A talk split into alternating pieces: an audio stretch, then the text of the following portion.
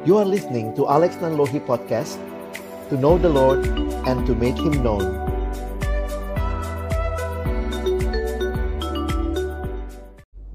Halo, selamat malam teman-teman. Malam teman-teman. Ketemu lagi dengan kami berdua. Dan uh, malam ini um, topiknya kita mau bicara ini deh, romantisme dalam berpacaran. Romantisme Wih. dalam berpacaran. Sebenarnya salah nggak sih bang romantisme dalam berpacaran itu? Nah itu dulu tuh gimana cara menghayatinya tuh. Kalau kalau uh, aku ingat kamu dulu pernah mendefinisikan romantisme itu apa sih? Apa ya? Lupa. Iya jadi kalau kayak kita bicara romantisme dalam berpacaran tuh em, mungkin apa ya kemesraan, wih seperti Oh. apa sih gitu ya? Eh, karena kan sekarang ini gini loh deh banyak banyak apa banyak tayangan tontonan culture yang membentuk bahwa harusnya tuh jadi cowok tuh romantis jadi cewek tuh harus romantis gitu masa lu pacaran aja nggak pernah begini sih nggak pernah begitu Hmm. sih gitu ya jadi Jadi ya itu romantisnya lebih apa ditekankan kepada hal-hal yang eh, apa namanya menjurus-menjurus gitu. Mhm, mhm. Menjurus ke mana dulu nih? karena eh, jadi nanti apa ya di tengah-tengah kehidupan keseharian itu kan eh, kita kita diperhadapkan dengan orang-orang yang mungkin tanpa sadar juga mulai mengumbar keromantisan di depan publik. Hmm. Terus salahnya di mana Hmm. bang? Nah salahnya adalah Emang itu bukan salah? mungkin bukan salah kali ya. Jadi misalnya begini, kalau itu dalam relasi yang jelas Mhm. suami dan istri, oke. Hmm. Di depan publik pun, tapi menurutku ada batasnya. Hmm. Oke. Karena apa ya hal-hal yang mungkin tanda kutip ya harusnya dinikmati berdua secara pribadi, private di dalam kamar, di dalam ruang tertutup begitu ya.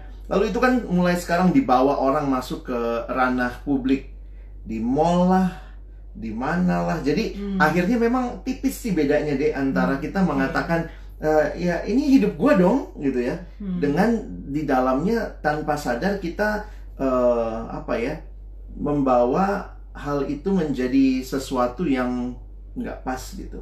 Tapi kayak gitu-gitu tuh di dalam apa namanya. Hmm. anak zaman sekarang tuh ngerasanya lo kaku banget sih. Nah gitu Maksudnya, tuh. eh, gimana ya membedakan bahwa ini tuh bukan kekakuan atau mungkin Hmm. mungkin kalau kita mau narik lebih jauh dulu deh eh, apa namanya romantisme tuh yang eh, kalau dibilang tadi ada batasannya Iya. batasannya sampai sejauh mana Hmm. sampai sejauh mana mungkin dibilang wah ini nih udah mungkin eh, nggak tepat ini Mm-mm. nih yang mungkin eh, masih ya oke lah masih oke ya. karena mungkin kalau eh, apa namanya zaman sekarang mungkin mikirnya ah kolot banget kayak begitu aja Iya. eh, nggak boleh atau kan yang penting kan eh, gua nggak sampai eh, sampai begini banget gitu misalnya Hmm. jadi gimana tuh kalau ngomongin ba- batasan bang Kadang aku kalau mau balik tarik dulu ya. Hmm. Misalnya kita ngomongin dulu nih waktu awal-awalnya kan sebenarnya ini bicara eh, relasi kalau kita balik ke Alkitab nih. Hmm, hmm. kita balik ke Alkitab eh, menurutku yang menarik tuh di Alkitab tidak ada eh, membahas pacaran oh iya itu kalau misalnya dalam dalam Alkitab sendiri sebenarnya ada nggak sih cerita, Cerita. tentang tentang kalau cerita tentang Iya. eh, apa namanya pasangan ada dong Iya, tapi iya, iya. cerita tapi biasanya di- diceritakan tuh mereka ketemu langsung nikah gitu ya Iya, karena Itu karena dijodohin ya. Jadi kalau aku ngelihat begini, kan di dalam Alkitab tuh yang ada cuma pacar, eh cuma pernikahan. Mm-mm. Jadi kalaupun kita melihat di dalam konteks pada masa itu, nah khususnya dalam budaya Yahudi ya, Mm-mm. nah mereka tuh punya yang namanya masa pertunangan. Oke. Jadi karena mereka dijodohkan, Mm-mm. begitu rupa lalu kemudian ada masa kira-kira katanya satu tahun begitu ya nah masa satu tahun itu di mana setiap orang Mm-mm. eh, dianggap sebenarnya secara budaya dianggap seperti sudah menikah Mm-mm. tapi memang masih statusnya tunangan gitu ya lalu mereka ya masa mengenal tapi masing-masing itu masih pulang ke rumahnya Oke. nah pulang ke rumah masing-masing Itu masa-masa tunangan. nah masa-masa tunangan itu jadi nah, menariknya masa tunangan itu mereka harus jaga kekudusan Oke. Makanya waktu Yusuf misalnya tahu bahwa Maria telah mengandung dari Roh Kudus, Mm-mm. langsung dia berniat menceraikan Maria diam-diam kan, tapi nggak jadi karena malaikat menampakkan Hmm. diri. Jadi ada masa mengenal Jadi Oke. menurutku sih tetap ada masa mengenal. Mhm. Nah, masa mengenal itu yang dulu terjadi waktu sebelum pernikahan dengan istilah tunangan. Sekarang terjadi pada kita dengan istilah pacaran. pacaran. Oke. Jadi kayaknya memang mesti dihayati pacaran itu adalah tujuannya untuk saling Mengenal. mengenal. Ah. Jadi kalau mau dibilang romantis, nah ini mesti hati-hati nih. Mhm. Jangan-jangan keromantisan yang harusnya dinikmati di dalam pernikahan dibawa ke dalam relasi pacaran. Oke. Karena kalau kita bilang, apakah Yusuf sama Maria dulu romantis? Pegang-pegang kepala, peluk-peluk gitu. Oh, itu mah orang tua Yesus ya kudus banget mereka pacarannya. Tapi tanpa sadar kalau kita perhatikan bahwa eh, ada ada sesuatu yang memang bukan itu yang paling penting di masa itu. Mhm. Nah itu yang kadang-kadang aku lihat eh, ya gue nggak bukan kolot banget juga deh. aku setuju dengan romantisme yang ada batasnya. Oke, mungkin batasannya Nah, itu batasannya yang perlu itu kita yang- eh, apa namanya sama-sama mengerti lah ya, memahaminya lah ya. Nah ini Seperti itu. buat teman-teman yang sudah join selamat malam. Kita live nggak bilang-bilang ya, bilang Oh, langsung iya, aja, iya. langsung aja gitu ya. Jadi kalau ada yang mau bertanya juga, eh, kita lagi Iya, mau bahas ya. Mau sharing ya, ya, boleh. ya boleh boleh ya. Kita bisa share eh, pendapat juga berkaitan dengan em, romantisme di dalam Yes. berpacaran. Karena waktu kalau aku sih ngelihatnya Aha. ya bahwa di dalam Alkitab tidak tidak menyatakan itu dalam dalam publik gitu. Oke. Karena juga masa ko- konteks budaya pada waktu itu yang namanya tunangan itu benar-benar ada ada batasnya menjaga Hmm. diri. Memang mereka bersama tapi katanya masih pulang ke rumah masing-masing. Oke. oke. Nah itu jadi eh, perlu untuk kita em, memaknai kayak ya dengan kayak ini kita budaya modern lebih maju tapi jangan-jangan eh, kita bilang romantisme tapi itu nggak jauh beda sama mengumbar nafsu Oh, kalau kita nggak tepat melihatnya. Oke, Kayak kalau gitu. kayak begitu gimana cara ngebedainnya tuh antara eh, romantis sama mengumbar nafsu kalau tadi dibilang ya?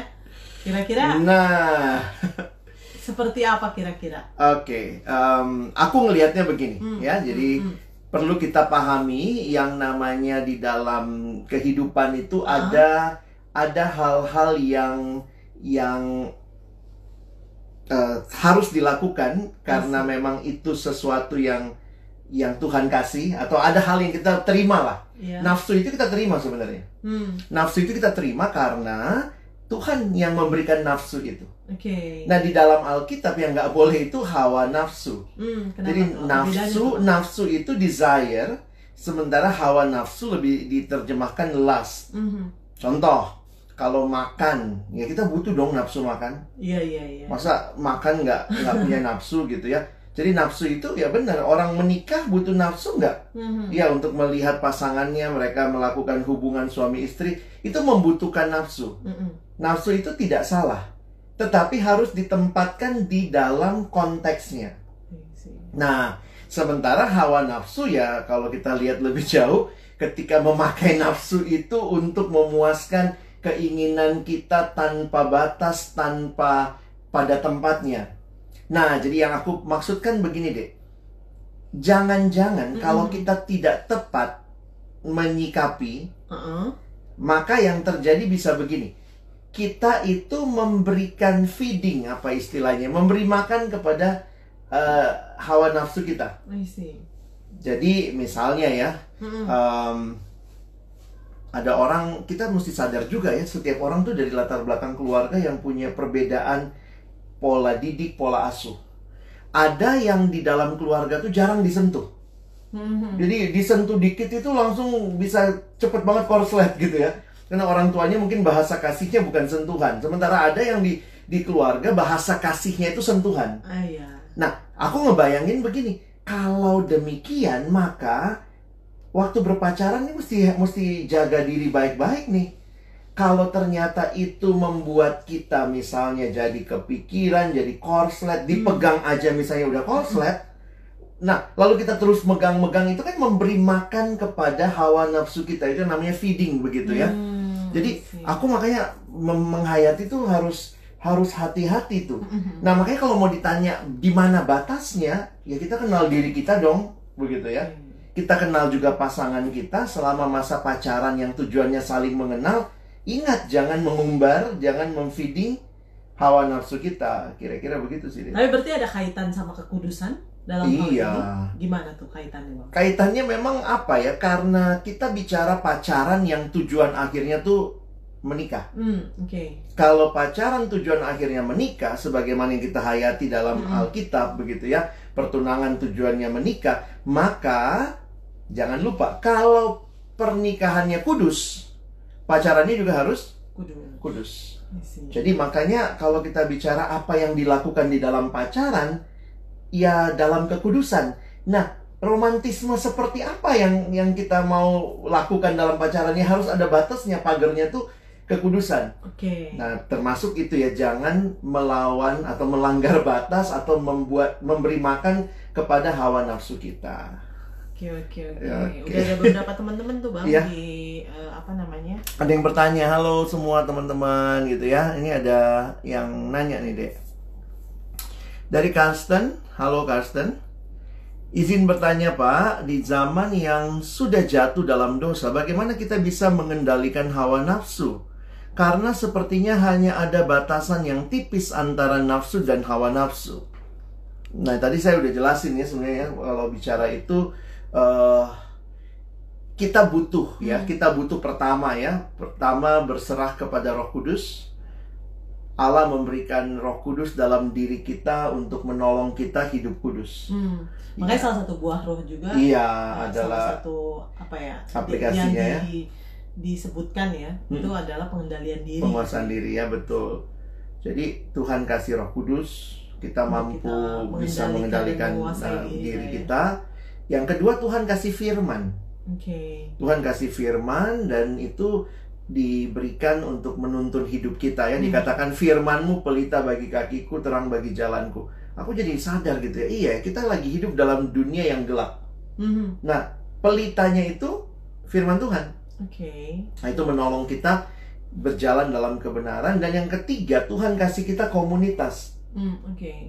aku pikir tiga hal ini kehadiran Roh Kudus, firman yang menuntun dan juga komunitas, harusnya ini menolong kita lah ya, menolong kita. Tentu tidak ada yang sempurna. Hmm. Kadang kita jatuh, kita gagal, tapi kita bangkit lagi. Iya. Dan eh, maksudnya tiga hal ini Tuhan hadirkan Iya. juga untuk kita bangkit lagi gitu ya. Betul. Sehingga kita juga bisa memaknai ini gue udah nafsu atau ini hawa nafsu atau nafsu ya gitu Iya, ya. Iya, iya. Memang tipis sih jujur ya kalau Karsten nanya ya tipis bedanya ya. itu Iya, tetapi makanya kalau misalnya eh, apa namanya dalam relasi pacaran jangan jangan menjauhi komunitas gitu kan. betul. Itu Ja- bahaya jangan ya. jangan merasa diri eh, kuat, Kuat. atau ah udahlah udah anak Atau itu deh, kadang-kadang suka- binaan suka suka jatuh. ngerasa gini ah kalau gue deket sama persekutuan nanti mereka dikepoin ah, Gitu iya, ya. Padahal justru itu cara Tuhan juga menjaga kita Yes. begitu ya benar banget benar. Heeh. Oke, ini ada pertanyaan lagi dari Kak Eli. Halo Kak Eli. Tidak hanya karena ini enggak pertanyaan ya, atau tidak hanya karena nurture saja sih.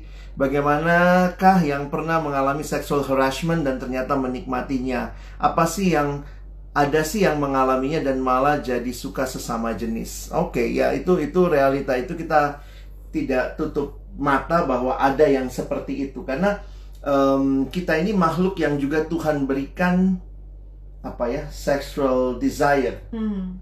Jadi mau itu dialaminya melalui proses wajar ataupun pernah mengalami harassment, bagi saya itu harus eh, benar-benar peka lah. Mhm. Jadi makin sadar betul ya kalau teman-teman juga butuh pertolongan, saya pikir carilah Yes. konselor gitu ya yang bisa menolong Yang juga menolong. karena lah ya. ada orang yang dia benci, dia pernah diharass gitu ya, dia Hmm. pernah, tapi dia nikmatin sexual eh, apa ya desire-nya terpuaskan waktu dia ingat peristiwa itu, Iya, iya. sehingga itu itu bisa jadi ya bisa macam-macam ya, dia jadi korban atau Yes. dia menjadikan orang lain korban korban lagi. Itu kalau nggak selesai ya kalau nggak Betul. beres. Iya, Oh ya, kata Kak Adi ya, jangan merasa dunia milik berdua, yang lain kontrak ya. Jadi kita mesti nganggapnya dunia ini apa? Stadion bola ya, semua saling melihat gitu ya, saling bersisian satu sama lain. Nah gimana deh kalau pengalaman uh, ketemu mahasiswa sekarang atau teman-teman muda begitu ya, apa sih yang yang paling sering dianggap sebagai ini bentuk romantisme lah kak, gitulah gitu. Iya banyak ya? sih sebenarnya yang nanya ya. Maksudnya salah satu pertanyaannya tuh oh, kalau misalnya ini nggak boleh itu nggak boleh terus, Terus ngapain? pacaran gitu. Terus pacaran ngapain? Kita dulu ngapain ya? cuman pandang-pandangan doang gitu ya. Kita makan. Makan ya. Untung sama-sama suka makan. ya. Iyalah. Iya jadi maksudnya ada juga yang ngomong kayak begitu ya. Jadi eh, kalau apa namanya ini nggak boleh itu nggak boleh kan kalau Hmm. eh, apa namanya eh, ngelihat eh, dunia menawarkan melalui drama-drama kan kayaknya ya drama Korea ya Iya, kayaknya. ya, mesra banget bukan ya. hanya Korea kali ya, Oh, drama juga sinetron ya. Indonesia juga sama. India juga gitu Ah, ada. India, India, benar-benar. Jadi maksudnya eh, sedangkan kita sering kali mengajarkannya di dalam kekristenan harus menjaga kekudusan Iya. eh, di dalam berpacaran secara khusus. Nah, kadang-kadang itu banyak yang mempertanyakan terus ngapain dong? Pacaran tuh ngapain Hmm, hmm. aja? Nggak asik dong kalau enggak gitu kan ya. Mm-mm. Seolah-olah tuh pacaran tuh jadi tempat untuk apa ya? uji coba romantisnya gitu kali ya. Iya, iya, iya. Tuh, eh, jadi gimana tuh bang kalau menurutmu? Jadi tapi eh, apa namanya? Memang kadang-kadang romantisme nggak harus selalu ditunjukkan dengan cara-cara yang yang ditawarkan ya kalau boleh digunain Hmm. eh, istilah dunia ya. Hmm. Maksudnya eh, nggak nggak juga harus mengikuti tren yang ada kan sebenarnya romantisme itu karena kita sendiri pun harus memaknai romantismenya itu sendiri eh, romantisme dalam relasi kita sendiri itu apa gitu kan jadi Hmm. supaya kita nggak cuman terjebak ataupun juga terikut-ikut dengan eh, perbuatan-perbuatan yang tanda kutip katanya romantis tapi Iya. sebenarnya mungkin sudah lewat batas Hmm. Ah, nah yang menarik nih, Tasya ngomongnya ya. eh, romantis itu pas pacaran bahas rencana rumah tangga. Oke. Iya. Mungkin karena romantisme di, dianggap hanya berkaitan dengan sentuhan fisik. I see Tanpa sadar dianggap ya itu waktu orang kita bisa nyentuh secara fisik, kita bisa peluk, kita bisa pegang-pegang kepala, kita bisa pegang-pegang pipi. Nah, itu yang kadang-kadang eh, mesti kita lihat dulu gitu ya. Kalau memang tujuan pacaran adalah mengenal, saya pikir tuh itu mungkin menjadi bagian yang less important. Gimana Bukannya- dengan kata-kata kata-kata Ah, romantis itu juga tuh? sama. Ah, saya kata-kata sih romantis tuh gimana tuh Aduh, mungkin karena aku nggak romantis kali dulu ya. Sampai sekarang ya. Gimana tuh kamu ngadepin aku yang nggak romantis? Maksudnya dulu kamu menghayati romantisme itu apa sih? apa Waktu- ya bang ya Waktu dulu itu maksudnya apa-apa yang yang dipengenin tuh apa sebenarnya? apa ya sudah lupa ya udah lama ya tapi ya ya mungkin impian semua gadis-gadis di luar sana kali ya mesti Iya. cewek-cewek yang eh, dalam artian mungkin eh, punya pacar ataupun yang Hmm. belum punya pacar yang pasti yang belum menikah lah ya Iya, mungkin impiannya adalah eh, perhatian iya. kalau cewek sih mungkin poinnya itu ya perhatian lalu kemudian dikasih dikasih hadiah mungkin Kalau sentuhan kemudian- fisik, mungkin cowok kali ya itu ya oke. nggak tahu juga sih tapi Nah maksudnya itu itu beda-beda latar belakang, Iya, beda mungkin kebutuhan begitu tuh ya. jadi kalau kalau nggak tahu sih ya tapi kalau aku ngelihatnya kebanyakan cewek yang aku maksudnya eh, ngobrol lah kalau ngobrol gitu Hmm. ya kebanyakan ya itu mungkin eh, pengen ya diperhatiin ditanyain lah eh, Hmm. di WA atau di SMS gitu kan ya lalu kemudian ada juga yang mungkin eh, cewek-cewek yang mungkin eh, pengen ditelepon intinya mungkin lebih ke arah Jadi perhatian sebenarnya romantisme Eh, itu waktu. harus dilihat dalam relasi ya, perkembangan ini ya, apa makin makin dapat pengenalannya sebenarnya kan, seharusnya begitu harusnya ya begitu ya. Jadi eh, hati-hati juga main pegang-pegangan tapi nggak kenal ya. nah dia Jadi membangun kedekatan fisik begitu rupa tapi sebenarnya kamu nggak kenal dia siapa nanti kalau menikah mau tinggal di mana nggak membicarakan hal-hal yang tadi Tasya bilang eh, itu penting terkait begitu dengan terkait rumah dengan tangga rumah ya. tangga. Iya, karena eh, apa menikah tuh bukan masalah romantisme aja, tetapi Betul. masalah membangun keluarga lah ya, Hmm, membangun hmm. rumah tangga. Jadi nggak se nggak se apa ya kalau bisa dibilang ya, nggak sebatas eh, apa namanya menikmati tanda Romantisme. kata romantisme itu. Iya, iya.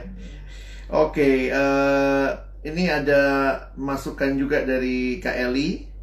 Kak Eli ahli nih ya, luar biasa.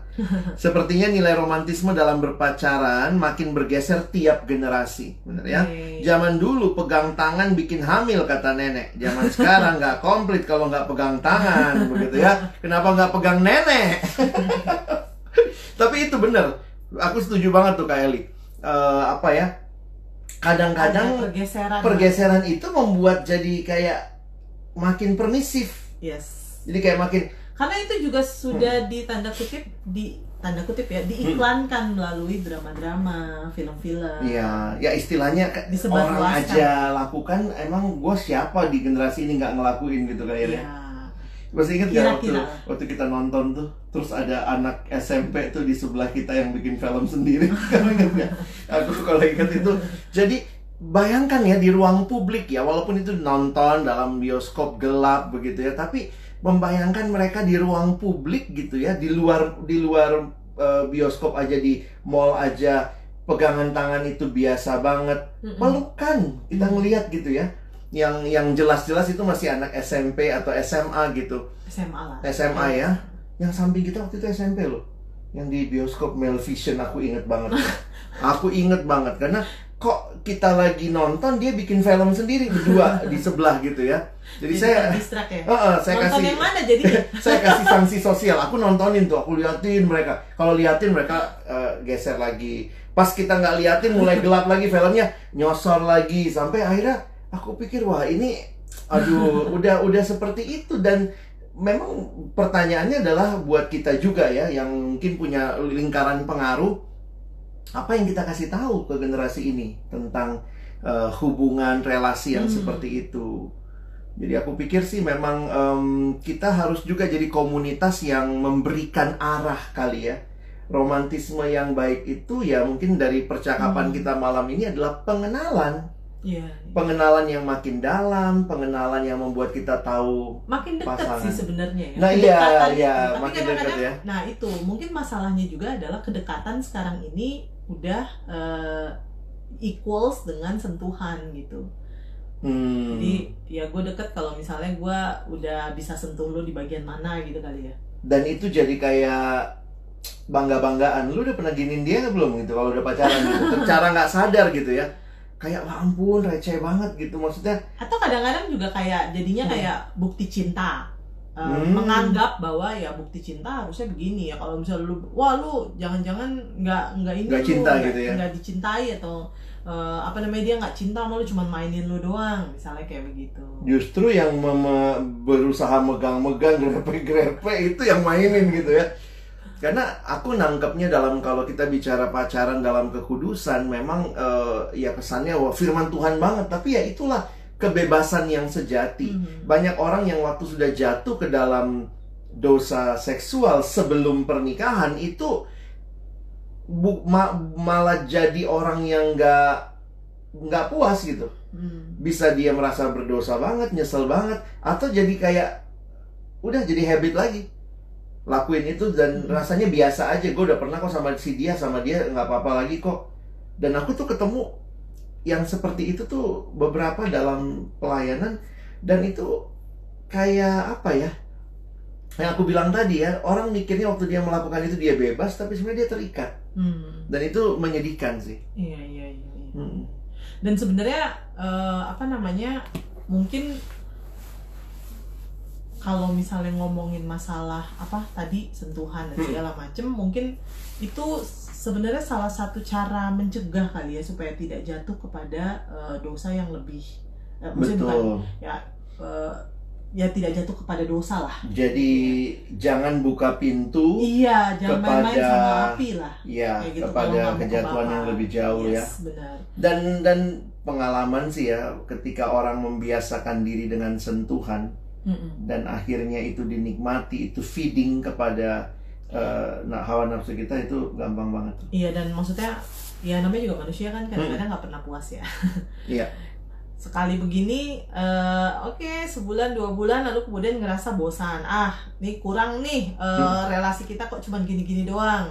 Majulah lagi gitu ya Iya, melangkah ya, lagi Kayaknya Ya, udah kayak- sekian bulan pacaran masa Yes, nggak pernah, pernah. ciuman, ya ah gitu jadi ya. kayak nggak nggak maju-maju nih kita ayo kita maju jadi kesannya kayak ya perasaan nggak puas itulah jadi Hmm. harus terus menerus ya tadi kau bilang hati-hati kita malah justru memfeeding hawa nafsu dengan perasaan Hmm. Coba deh baca nih ada komennya Tasya. ya Tasya bilang ya perlu Tasya mah psikolog ya, jadi dia lebih tahu ya.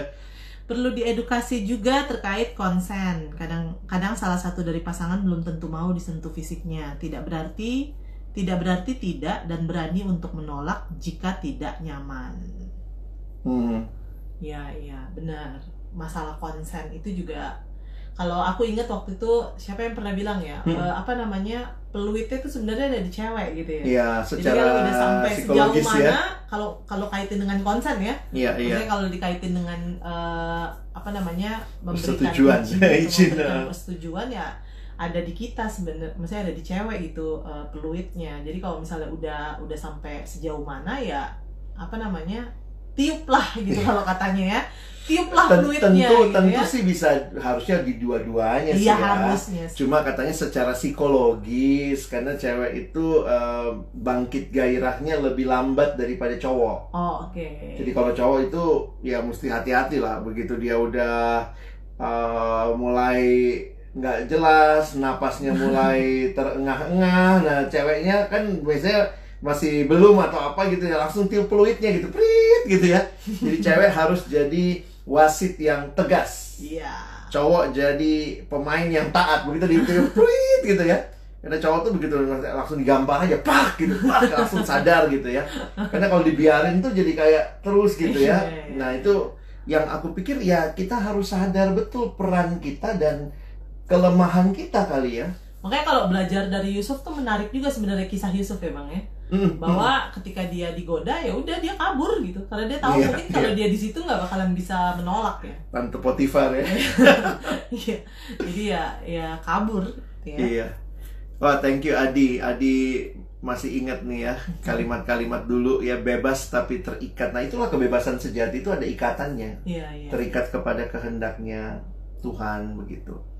Tadi Adi nanya di awal eh, gimana ya kita memberikan nasihat gitu ya kepada gereja yang juga tentunya di gereja secara khusus ada katekesasi buat anak muda Mm-mm. untuk mengingatkan hal-hal romantisme dalam berpacaran. Hmm. Kira-kira bagaimana tuh deh? Ada nasihat nggak untuk gereja? Karena Adi ini seorang eh, majelis di gereja ya. Apa yang harus diperhatikan gereja ya? apa ya mungkin salah satunya adalah terus mengiang eh, apa terus menggemakkan kali ya apa Hmm. namanya eh, kekudusan pentingnya kekudusan pentingnya menjaga kekudusan. Maksudnya terus menggemakkan bahwa ya apa namanya kita adalah eh, umat pilihan Allah yang sudah ditebus gitu kan ya. Hmm. jadi mungkin itu salah satu cara kali ya terus menerus mengingatkan gitu. Mungkin eh, praktisnya, praktisnya kalau katekisasi masukin jadi bahan bahan katekisasi yang Hmm. yang penting. Karena kalau yang dilakukan katekisasi itu rata-rata orang muda maka jangan cuma memberikan eh, tata gereja begitu ya. Eh, mereka butuh itulah sebagai warga gereja. Perlu tahu siapa ketua sinodenya. Hak salah satu hal praktis mungkin Hal praktis, ya. Kalau di- di materi kalau di gereja kita ada ya Tapi ya, mungkin juga itu. salah satu cara juga adalah mungkin eh, membuka ruang konseling kali ketika katekisasi. Oh, iya. Mungkin aja kan ada eh, pemuda-pemuda sebenarnya yang eh, tanda kutip nggak bisa keluar sendirian gitu, Iya. butuh bantuan. Iya. Jadi eh, memberi memberi atau membuka, membuka ruang, ruang, ya. untuk mereka yang mungkin eh, Butuh. ingin cerita, ingin ditolong, butuh Mhm. ditolong seperti itu. Jadi itu mungkin beberapa hal juga yang bisa dilakukan ya. Dan aku pikir gereja jadi alat Tuhan lah di dalam membangun generasi ini begitu ya. Masalahnya kadang-kadang gereja tidak dilihat sebagai safe place, Bang. Oke. Maksudnya- Biasanya apalagi kalau gereja keluarga, satu tahu kayaknya seluruh Iya. seluruh gereja tahu Nah, itu begitu. Besok masuk warta jemaat. kekhawatiran-kekhawatiran yang mungkin juga orang jadi males cerita dengan gereja karena setiap tembok punya telinga dan dan mulut gitu seolah-olah. Ya. Nah, ini eh, ada- safe place tadi. Thank you Jadi, nih. Mungkin gereja harus memikirkan gimana jadi safe place. Ini kalau lihat Tasya ngomong gereja juga perlu mengedukasi terkait sex Ah, education. Benar. Jadi mungkin secara berkala ya di setiap jenjang buat karena bayangkan ya kalau di di sekolah juga tidak dapat, di gereja nggak dapat, lalu anak-anak tuh tahu tentang seks dari mana? Orang tua nggak Hmm. ngomong, gereja nggak ngomong, sekolah juga masih menjadi Ya. hal yang tabu seperti Uh, itu. uh, memang beberapa sekolah dengan maju tapi sudah sudah sudah masuk sih memberikan Hmm. itu tapi kita perlu ber- berpikir serius nih kalau enggak nanti mereka belajarnya dari film porno Iya, iya. belajarnya dari temennya yang sama-sama orang buta menuntun orang buta gitu ya jadi uh, mungkin Kak Tasya bisa buat kurikulumnya nanti kita yang ajarin gitu ya nah ini ada dari Dita oh, baca deh. Kak, Bang, misalnya pria dan wanita udah bersahabat, tiba-tiba pria menyatakan untuk doa sama. Tapi si- sifat pria sekarang berubah dan wanita merasa sifatnya si pria nggak senatural dulu. Malah kesannya jadi maksa. Gimana ya? Malah kesan maksa. Gimana ya? Gimana tuh, Bang? Jadi mereka dulunya bersahabat, pas lagi berdoa eh, lagi berdoa bersama, eh, kok kayaknya si prianya kayak eh, apa berubah jadi kayak nggak natural gitu sifatnya. bingung juga tuh kayak begitu gimana ya kamu kalau pengalamannya gimana memberi nasihat Mungkin kalau misalnya bisa diomongin kali ya, Mm-mm. maksudnya ya komunikasi menjadi salah satu cara sih sebenarnya untuk uh, membicarakan mengenai hal ini. Jadi bicarain aja, uh, mungkin bisa dicatat dulu gitu, dilihat mana sih hal-hal yang berubah dari ini cowok, Hmm. ya. Uh, oh, ini berubahnya dalam hal misalnya apa, misalnya apa. Jadi itu bisa dikomunikasikan. Tapi uh, mungkin juga nggak s- kayak gini nggak sih bang? Aku ini ini juga ya. kebayang perubahannya kayaknya negatif ya mungkin dulu lumayan Nah, deket makanya aku lagi mau nanya Wah, maksudnya kadang-kadang uh, kan sebenarnya kan kayak eh, mungkin ketika seseorang lagi suka sama orang lain ada hal-hal yang mungkin dulunya nggak pernah perhatian sekarang perhatian, sekarang perhatian Eh, dulunya mungkin eh, apa namanya eh, kalau cewek lah ya.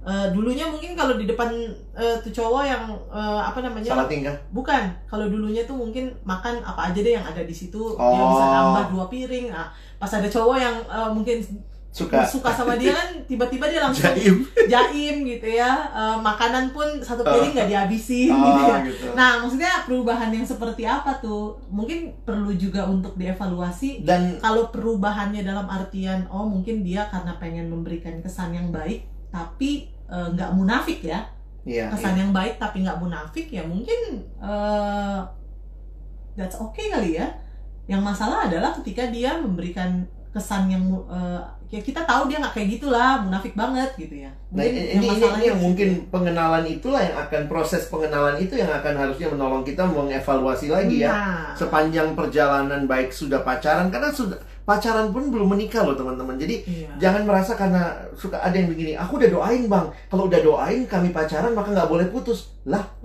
lihat lagi evaluasi lagi karena perjalanannya Yes. tentu ya bukan supaya putus tapi jangan tutup mata kalau Iya. sudah sudah doa lalu jalanin pacaran taunya dia berubah jadi nggak benar kenapa Hmm. mesti Iya, dipertahankan benar. relasinya gitu ya jadi ya terbuka aja sebenarnya Hmm, hmm. mungkin perlu kali dikomunikasikan kenapa, Kenapa kalau ada hal-hal begitu? yang mungkin Mm-mm. berubah kayaknya dulu lu nggak kayak gini kenapa sekarang kayak begini Iya. Wah ada Ibu Pendeta Malia, terima kasih ya. Biasanya di kelas katekesasi, ini di GPIB tentunya ya, ada materi LSD, self love dan etika pergaulannya. Saya tahu kalau di GPIB itu ada dalam kurikulum ya. Nah eh, dari Sar Grace, halo Bang, Alex mau minta saran bagaimana kita mendampingi teman kita yang kebablasan romantismenya pas pacaran. Tak lalu pas putus dia tenggelam dalam penyesalan. Thank you bang. Ya move on lah ya. Nah itu itu nggak mudah memang Nggak kalau mudah, mendampingi. Ya. Paling kehadiran kita jadi teman, Hmm. ngedengerin. Kalau ada celah-celah ya kita kita ingetin lagi. Dan mungkin membimbing dia untuk berdamai ya. Mungkin kalau dia Yes. belajar belajar untuk minta ampun di hadapan Tuhan. Hmm. Kalau dulu dia bablas. Dan kemudian juga sadar bahwa Tuhan ampuni sehingga dia mesti move on. dan jangan menghakimi kali ya. Ya ya jangan Ma- maksudnya menghakimi. ya. Gimana ya? Kadang-kadang memang kita harus kasih tahu salah. Tapi ketika dia udah tahu sekali, maksudnya udah tahu, oke salah. Jangan didengung-dengungkan lagi gitu Iya, iya. itu, itu kesannya jadi menghakimi gak sih Mhm. Oh ada Bung Jerry, halo malam Bung Jer. Eh, ini tadi benar ya Dita Dita ngomong iya bang berusaha menutupi kelemahan padahal ceweknya udah tahu kelemahannya nggak terbuka jadi jadi munafik gitu ya. Wah ini unik sih. ya mungkin perlu dikomunikasikan ya kayak begitu ya maksudnya perlu dikasih tahu kenapa lu lu kayak dulu nggak kayak gini deh jadi Iya iya. apa tembak aja langsung gitu ya Jadi mungkin kalau kita makin deket harusnya kita juga makin real ya Yes, relasinya makin tuh makin terbuka. terbuka, begitu. Ya, makin terbuka hal-hal yang dulunya mungkin Hmm, sebelum deket nggak berani untuk dilakuin Iya. ketika udah makin deket mungkin ya kita makin bisa membuka diri lah ya betul. Halo, selamat malam juga Freddy. Apa kabar? Nah, teman-teman silakan ya kalau kita eh, ada yang mau tanya atau mungkin juga kalau mau join, silakan kalau mau join di live mau sampein sesuatu, mungkin Tasya atau eh, siapa teman-teman yang merasa ingin menyampaikan sesuatu silakan request nanti kita bisa share gitu ya supaya berbagi dengan teman-teman sekalian apa yang mungkin dialami atau dirasakan begitu ya. Wah, baik kabarnya. Jadi kalau orang nanya biasanya dek Mhm. untuk yang perempuan kamu biasanya nasehatnya apa kalau mereka Gimana? nanya terkait dengan eh, jadi apa sih kak yang harus yang boleh dilakukan gitu sebatasannya apa? Kamu biasanya nolongnya gimana? kembali lagi ke firman kali ya maksudnya Iya. lihat kepada apa ya kekudusan eh, masalah kekudusan kalau ya praktisnya Hmm. tentunya adalah kita tahu lah maksudnya sampai sejauh eh, kita yang paling tahu sampai sejauh mana eh, kita akan bablas. Seharusnya ya kita yang Iya. paling tahu lah ya. Kita eh, entah bagaimana Roh Kudus bekerja lah dalam diri kita mengingatkan gitu ya untuk eh, hati-hati melangkah Hmm. Uh, seperti itu jadi kepekaan akan Tuhan dan Iya. firman-Nya itu yang terus menerus dilatih setiap hari kali ya melalui waktu-waktu berelasi dengan Tuhan itu itu menolong lah Hmm. dan kalau kalau ditanya uh, sampai sejauh mana secara praktisnya ya mungkin uh, kita perlu tahu kali ya tempat atau bagian-bagian mana yang kalau tersentuh gitu ya Nah, kalau itu- cewek ya itu tersentuh lalu kemudian ya. sensitif kalau tadi bilang korslet gitu ya Hmm, hmm. seperti itu lalu kemudian mungkin juga harus eh, apa namanya eh, kembali melihat atau eh, punya teman lah untuk diajak tentunya teman yang memang benar-benar juga cinta Tuhan ya Iya. yang yang dapat mengarahkan kita kepada hal-hal yang memang eh, sesuai dengan apa yang Tuhan mau Hmm. jadi eh, kehadiran teman itu emang menolong sih kehadiran komunitas Komunitas, kalau bisa ya. dibilang ya seperti itu jadi Hmm, aku juga ngelihat hal praktis lain ya pilih tempat pacaran yang tidak membuat kamu mudah Iya. mudah jatuh dalam Jatuh. dosa ya. Jadi jangan pacaran di kamar, di kosan, di dalam Jangan di kamar, tempat sepi, gitu ya. Dari tempat-tempat yang gelap juga Iya. mungkin. Iya. Kalau perlu pacaran di on apa under spotlight. Iya iya. Jadi seperti itulah ya. Ini ada satu pertanyaan dari Sobal. Bisa bacain deh? Coba baca nggak sih? Enggak. Oke. Halo Bang, Kak. Pandangan Kakak dan Abang soal KTB sahabat lawan jenis bagaimana? Kebetulan kondisinya baru bersahabat dua bulan, sempat dekat karena Sorry, karena apa ya? Eh, Oke, Nggak kelihatan ya? sorry nggak terlalu kelihatan. Em, baik, mungkin kalau aku lihatnya eh kalau tingkatannya KTB, saya pikir ya lawan jenis di dalam KTB pokoknya kita mesti me- mewaspadai bahwa hal-hal yang diinginkan mungkin terjadi. Karena maksudnya KTB-nya tuh campur, mix mix gender lah. Hmm. Jadi aku pikir sih tetap harus eh, pengenalan dengan baik. Jadi jangan buru-buru, walaupun mungkin baru dua bulan udah ada rasa ada Iya. kayak. Karena apa ya di dalam KTB juga itu kita harus sadar ya, itu semua orang kan berusaha tampil rohani kali ya. Iya sih? Kadang-kadang seperti itu ya. Jadi tanpa kita sadari ya kita langsung lihat dia wah ini udah cocok jadi mamanya anak-anak, gitu kali ya. Karena sangat baik gitu, tapi kita perlu untuk eh, lebih terbuka begitu ya. Oke, Simeon nanya nih, Bang, gimana respon abang kalau bahasa kasih seseorang itu sentuhan? Di dalam bicara bahasa kasih, saya lihatnya ada dua pendekatan. Pertama, ada bahasa kasih, ya, atau kita mempraktekkan bahasa kasih karena memang itu misalnya sesuatu yang tanda kutip ya paling kita banget. Mhm. Tapi pada saat yang sama, hati-hati loh, itu bisa jadi jebakan. Hmm. Karena tanpa sadar bisa jadi kita feeding misalnya kita memang karena sentuhan itu kita dapat kepuasan, makanya ada satu buku lagi yang pernah saya baca dia membahas hati-hati yang namanya bahasa kasih kalau kita terlalu mengagungkan merasa harus begitu Hmm. selamanya jadi jadi Itulah berhala gue, juga gitu ya, iya jadi jadi berhala juga dan akhirnya kita nggak belajar ngerti orang lain gitu Hmm. jadi nasihat se- praktis eh, jangan membiasakan. Jadi kita tahu nih, termasuk juga bahasa kasih. Karena menurutku gini, perempuan katanya lemahnya di Telinga, telinga. Jadi yang bahasa kasihnya perhatian, perhatian, kata-kata manis. Hati-hati juga itu bahkan bisa jadi jebakan juga. Yang bahasa kasihnya sentuhan itu juga bisa jadi jebakan pada saat yang sama. Makanya belajar menyentuh pada waktu yang tepat misalnya. Dan Dia- pada tempat yang tepat. tempat yang sih, tepat, ya. Ada ya. banyak sih sebenarnya tempat-tempat yang cukup tepat ya. Iya. Misalnya Kayak pundak Mhm. misalnya. Jadi tidak tidak ini ya, tidak membuat kita jadi jatuh dalam dosa lah Yes. kira-kira seperti itu. Seperti itu. Tapi yang menarik juga yang Mm-mm. tadi apa namanya? eh, hati-hati kita kalah dengan bahasa kasih. Iya. Padahal sebenarnya yang harusnya kita ikuti adalah eh, apa namanya? eh, kehendaknya Tuhan gitu ya. Iya. Kayak kayak dulu ada orang nanya gini, dulu abang cium Kak Debbie nggak waktu pacaran? Aku bilang sih aku ciumnya berapa tiga kali kali ya. Waktu kamu ulang tahun di depan banyak orang, sekali depan keluarga, yang dua kali di kantor gitu, depan teman dan ciumnya di pipi gitu ya. Jadi apa ya? Bukan bukannya ya kolot ya kolot lah kalau dibilangnya, tapi ya itu kan bagian aku juga menjaga diriku dan menjaga kamu gitu dan sentuhan itu kita nikmati tapi ya kita tahu bahwa itu nggak boleh kita lakukan sebelum pernikahan lebih dalam lagi begitu jadi ya itu inilah ya pengalaman lah dari Ivan nih bisa baca deh ini pada kecil-kecil tulisannya ya begitu ya Hmm, enggak, enggak bisa. Enggak kelihatan. oh oke Hilang. Eh, di sini aja Bang, gimana caranya hilangkan rasa kaku saat PDKT? Soalnya setiap aku PDKT selalu kaku.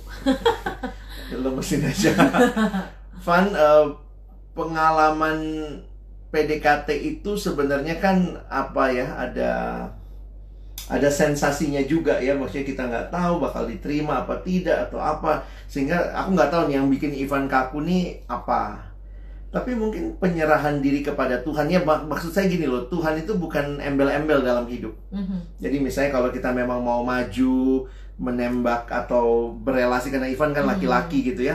Belajar berserah sama Tuhan sehingga kita tenang, kita bisa lebih rileks. Tapi ya eh, pada akhirnya memang ini juga seni ya, di mana Hmm. Tuhan kasih kita kebebasan. Iya. Ya kalau mau Gitu. PDKT ya ajak temennya kalau enggak. Bertiga gitu ya. Ya, komunitas lah ya. Jadi biar ini. Bang, buku dari Harley ya. Harley Bang, buku Lost in Translation. Bagaimana laki-laki dan perempuan saling memahami. Recommended nggak buat KTB satu tahun pertama pacaran? Saya masalahnya nggak nggak tahu buku itu ya. Sama. Iya, sorry nggak nggak nggak tak paham bukunya. Tapi kalau bagus silahkan ya. Karena em, saya nggak banyak baca buku ya buat relasi ya. Nggak tahu deh, kamu banyak baca buku nggak sih? Ada beberapa tapi Ada ya? aku enggak baca. Karena maksudnya aku nangkepnya juga begini, beberapa buku itu ada juga yang konteksnya bule. Oh Apalagi iya, kalau diterjemahin ya. Hmm, misalnya buat mereka misalnya eh, kayak Different konteks. different konteks gitu. Jadi bagi saya nggak nggak nggak terlalu. Atau kalau teman-teman ada yang sudah pernah mungkin membaca, Iya, silakan review silakan gitu ya. ngasih tahu gitu Mm-mm. di grup chat mungkin. Oke, dari Yolanda memberhalakan bahasa kasih insight baru. Iya, deh. Eh, sorry, aku juga bersyukur sih ya waktu belajar itu bahwa ternyata banyak kali kita merasa bahasa kasih itu harus gitu karena itulah gua gitu. Hmm. Tapi kadang-kadang tuh bahasa yang yang tepat di dalam Alkitab adalah sangkal diri. Meskipun itu kamu banget, kalau itu membuat kamu jatuh dalam dosa, jangan gua banget, gua mesti menyangkal diri begitu ya. Oke, silakan dari Agus, ya. Sebentar. August ya. Kebaca deh. Mau nanya Bang dan Kakak, bagaimana jika seorang wanita memutuskan menjadi seorang sahabat bagi seorang pria yang mau bertumbuh menjadi manusia yang lebih baik? Keduanya saling menyukai, apakah beresiko? Beresiko jadian. ya nggak sih? Iya, beresiko jadian. Eh, mungkin perlu kalau nggak tahu kalau aku jadi kayak nebak sih ya sorry ya tapi maksudnya gini apa sih yang membuat kalian nggak jadian gitu? Kalau ternyata ada sesuatu yang kamu mau dibereskan dalam hidup orang itu makanya istilah yang dipakai menolong dia bertumbuh. Jujur aja kalau kamu punya perasaan suka menolong orang itu bertumbuh karena dia belum bertumbuh bagi aku kadang-kadang itu bias. Iya.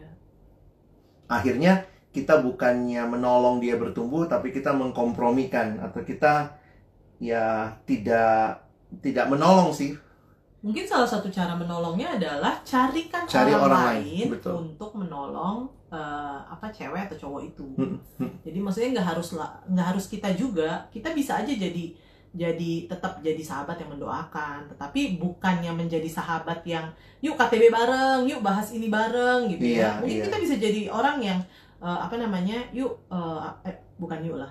Jadi orang yang mendoakan, mencarikan mungkin Betul. pemimpin KTB kah yang dapat membantu dia untuk bertumbuh, Hmm. eh, menjadi orang yang ngajakin dia dalam pembinaan-pembinaan yang ada. Ya, jadi eh, apa ya? Enggak, kita bukan kita bukan the one and only hero buat dia gitu ya Iya. untuk bertumbuh. Jadi bisa cariin yang lain dan s- selama itu juga kita menata kali ya perasaan Perasaan. dia. Jadi jangan sampai eh, bias tadi. Hmm, Makanya jujur aja kalau ditanya beresiko bagi aku beresiko karena bisa jadi kamunya tetap suka lalu tidak nutup mata terhadap kelemahannya dan orang itu nggak bertumbuh Iya. justru nggak bertumbuh karena kehadiran kita membuat dia merasa yang suka sama gua terima gua apa adanya atau sebaliknya dia eh, mau terlihat ber mau Iya, terlihat kelihatan bertumbuh, padahal alasan- sebenarnya kar- itu karena dia karena suka kamu. iya iya. Nah, itu itu yang nggak Iya, nggak biasnya biasnya itu. gitu ya. Makanya lebih baik cari orang lain memang untuk menolong eh, bertumbuh bertumbuh. Sangkal diri jadi mistikus ya. Akhirnya selibat eh sangkal diri bukan berarti juga harus selibat di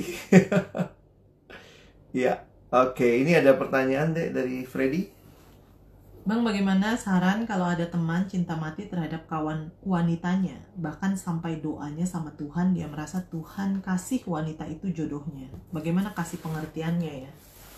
ini ngotot ya Nah, kalau yang kayak gini-gini nih antara antara beneran cinta sama Atau? eh, apa namanya eh, penasaran.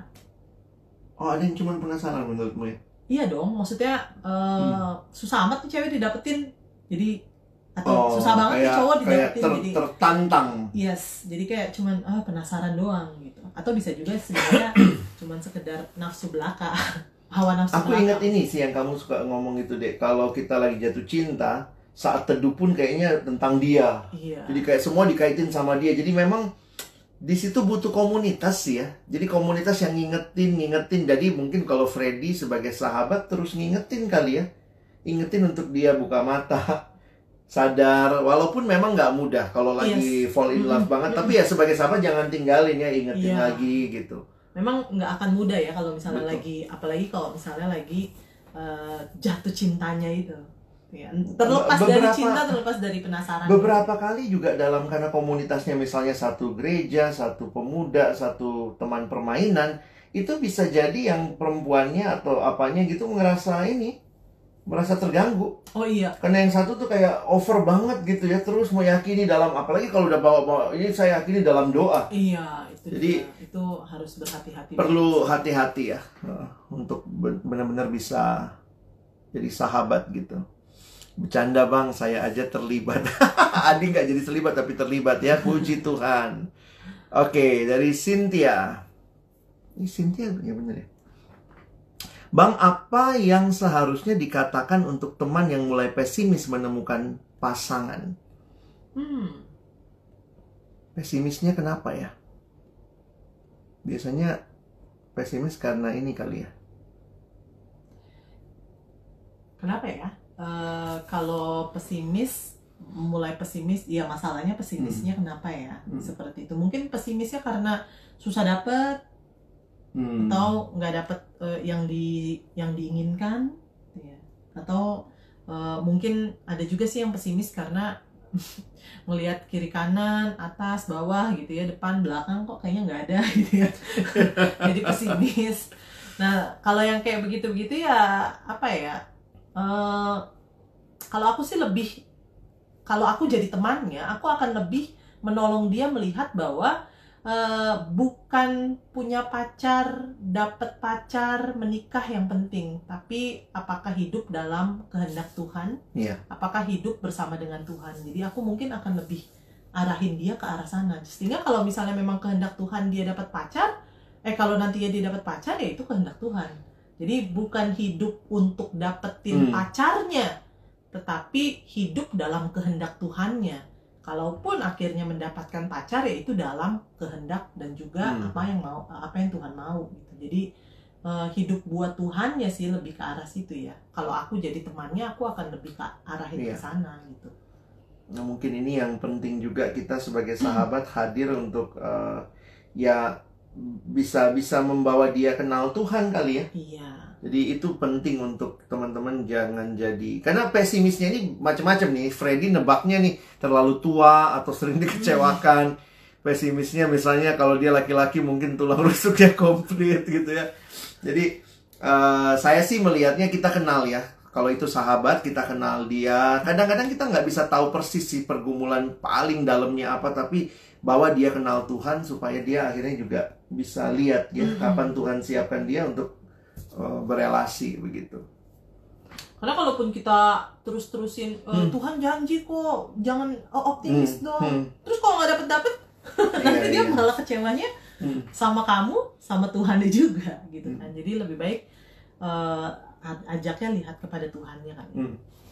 Oke teman-teman, em, ini beberapa menit terakhir mungkin pertanyaannya nggak bisa semua kita jawab. Jadi nanti kalau tiba-tiba udah muncul tanda waktu ya kita selesai gitu ya. Dari Lisbeth, Dek silakan. Bang, gimana menurut Abang jika kita udah berhenti untuk mendoakan seseorang, namun dia masih terus kepik, Tapi, namun dia masih terus kepikiran dia? Apakah tapi kita men-. Apakah kita mendoakan dia kembali atau berdoa mengenai perasaan apakah memang kerinduan atau obsesi? obsesi? Kamu yang ditanya, Bang, gimana menurut Abang katanya? Eh, aku minta istri aja yang jawab soalnya aku sangat praktis sih kalau aku ya move on gitu ya tapi kan kadang bagaimana tuh kalau kamu ketemu orang yang misalnya punya pengalaman seperti ini Masing-masing orang ini ya nggak bisa kita nggak bisa apa ya, generalisasi ya Iya, general generalisasi pengalaman masing-masing orang. Ada orang yang aku lihat eh, kekeh bertahan, maksudnya gini, Hmm. udah ngedoain lalu kemudian ini dalam artian belum berdoa bersama kan ya? belum Masih mendoakan eh, seseorang. mendoakan ya. seseorang Ada yang apa namanya mendoakan lalu kemudian kok eh, kayaknya kenapa dia lagi yang berhenti, muncul dia lalu lagi yang doain lagi. nah ya ada yang kayak begitu lalu kemudian eh, itu apa namanya akhirnya mantep dan akhirnya jadian. Ada yang seperti itu. Jangan digeneralisir. Hmm. ada juga yang eh, mendoakan berhenti mendoakan lagi. Eh tapi Hmm. ternyata eh, cowoknya akhirnya eh, apa menikah sama yang lain gitu ada juga yang kayak begitu. Jadi sedih amat. Jadi mungkin seperti kata Amsal ya. Salah Hmm. satu yang eh, apa Amsal apa Amsal bilang pengamsal bilang salah satu hal yang eh, di di ya yang sulit ku yang mengerti sulit untuk ya. dimengerti itu jalannya Amsal antara 30 ya ayat pria dan 18 juga eh, laki-laki dan Laki-laki juga dan perempuan. perempuan. Hmm, hmm. Jadi eh, nggak ada sa- kalau Nggak ada sih teorinya lah gitu ya dan kalau menurutku nggak ada salahnya untuk mendoakan kembali Nah, itu sepanjang tuh. kalau perempuan langsung itu nggak ada salahnya kalau Sepanjang- aku move on gitu ya sepanjang cowok itu belum punya pacar. oke Ya dong, kalau Hmm. misalnya udah punya atau kalau emang misalnya kita tahu dia lagi dekat atau lagi Hmm. mendoakan orang eh, lagi saling mendoakan, jangan jangan, jangan, jangan masuk. itu itu etika ya Yes. Mm. Jadi eh, kalau emang misalnya merasa seperti itu eh, kepikiran lagi, Hmm. kepikiran lagi sih bisa jadi karena belum nemu yang baru bang, makanya didoain lagi gitu. Oh, oke Jadi tapi menurutmu dalam batas waktu tertentu butuh nggak? Misalnya saya akan doain dia tiga bulan dan kalau nggak ada respon nggak ada apa ya saya mesti terbuka untuk misalnya lihat yang lain doain yang lain. Ya lebih baik lebih baik Ada- ada itu. batas waktu. Lebih baik Hmm. seperti itu karena jangan terus menerus menggantungkan, jangan terus menerus ya tanda kutip lah, memaksakan sampai akhirnya eh, bertahun-tahun ngedoain ternyata tuh cowok Iya. lagi jadi nama yang lain kita mulai lagi dari nol kan kalau Oh, gitu. Oke, Jadi ya, jadi itu realistisnya seperti Yes, itu ya. Ada batas waktu. Tapi kalau ternyata juga itu kamu bilang belum ketemu dan cowok itu juga masih iya. masih kalau aku sih ini sederhananya kayak gitu kalau emang belum Dan belum nemuin usaha lebih dari itu kali ya. Jangan cuma doain kali ya. Misalnya jalin relasi lah ya. Jalin relasi mungkin minta dikenalin kalau kita nggak kenal atau kita mengenalkan diri gitu ya. Jadi memang eh, tapi ya sangat jangan lama-lama supaya kita juga Iya. bisa terbuka melihat yang lain kan betul betul. atau terbuka dengan orang lain yang mungkin ngedeketin Hmm. Dari Harley ya, mungkin yang terakhir kali. Terkadang Tuhan seolah-olah kasih jawaban iya saat mendoakan seseorang supaya kita semakin taat berdoa.